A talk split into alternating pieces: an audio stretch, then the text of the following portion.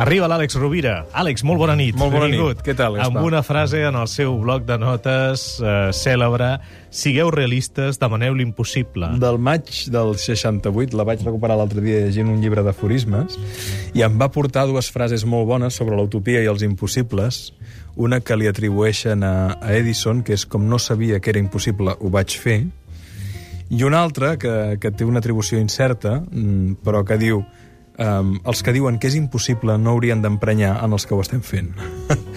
Aleshores, eh, això ho, podríem lligar amb una anècdota que em va passar fa tres setmanes amb una xerrada en la qual hi havia una persona que parlant de la crisi deia és que clar, diu l'única opció que tenim la gent jove és o treballar en una empresa però com les empreses estan en crisi i estan acomiadant gent només ens queda l'opció de, de ser funcionaris.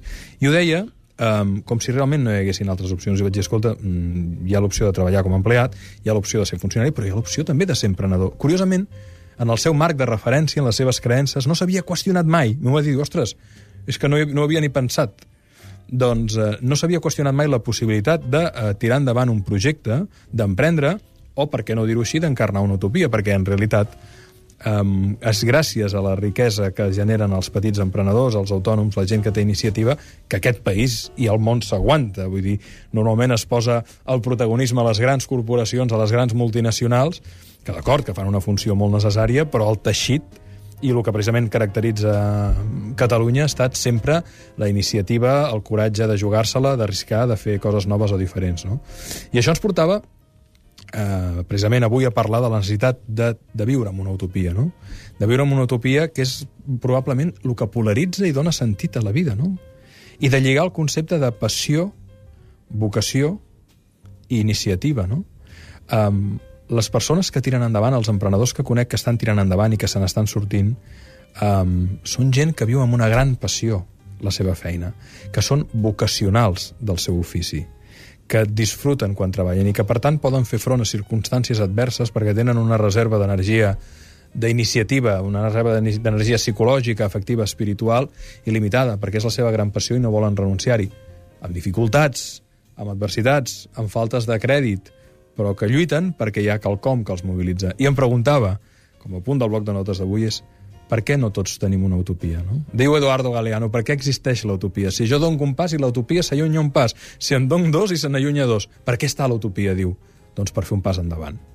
No podem renunciar a l'utopia. Que ens diguin ingen- ingenus és igual, no podem mai renunciar a l'utopia, perquè si renunciem a l'utopia estem morts, perquè li estem donant a la realitat una dimensió finita, quan en realitat la realitat té un potencial de realització literalment infinit. Um, hi ha tres tipus de persones. Les que veuen el got mig buit, els pessimistes, les que el veuen el got mig ple, els optimistes, i les que es dediquen a omplir-lo, que són els que tenen iniciativa i busquen encarnar una utopia.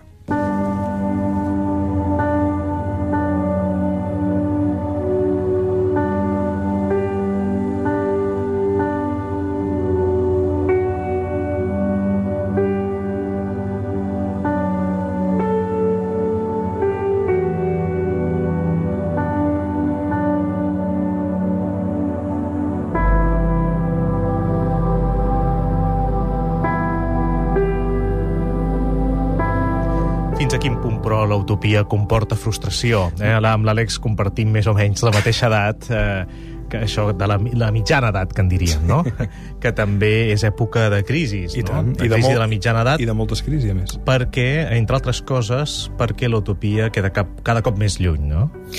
Queda cada cop més lluny i de la realitat té un pes, la inèrcia té un pes molt fort, però aleshores la qüestió que ens podríem fer és uh, aquestes frustracions ens han vingut perquè ho hem intentat i ho hem lluitat fins al final, no tinc la resposta, eh? O ens l'hem jugat una miqueta i hem deixat caure el llapis eh, a la segona adversitat.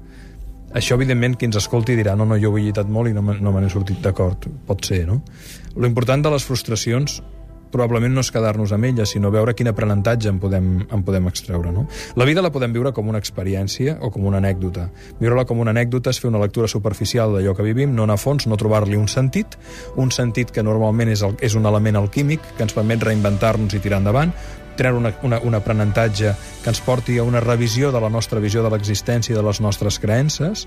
En aquest sentit, les frustracions són bones, o els fracassos poden ser bons perquè poden ser una, una possibilitat d'obrir els ulls a la realitat d'una manera molt més lúcida i molt més gran, tot i la pàtina del dolor. Uh, I, per tant, en aquest sentit, les frustracions que ens genera l'utopia són bones. També, com sempre diem, al tanto, perquè el verí, aquesta frase l'he repetit moltes vegades, és a la dosi. És a dir, si et poses un objectiu elevadíssim, t'estàs frustrant ja d'entrada.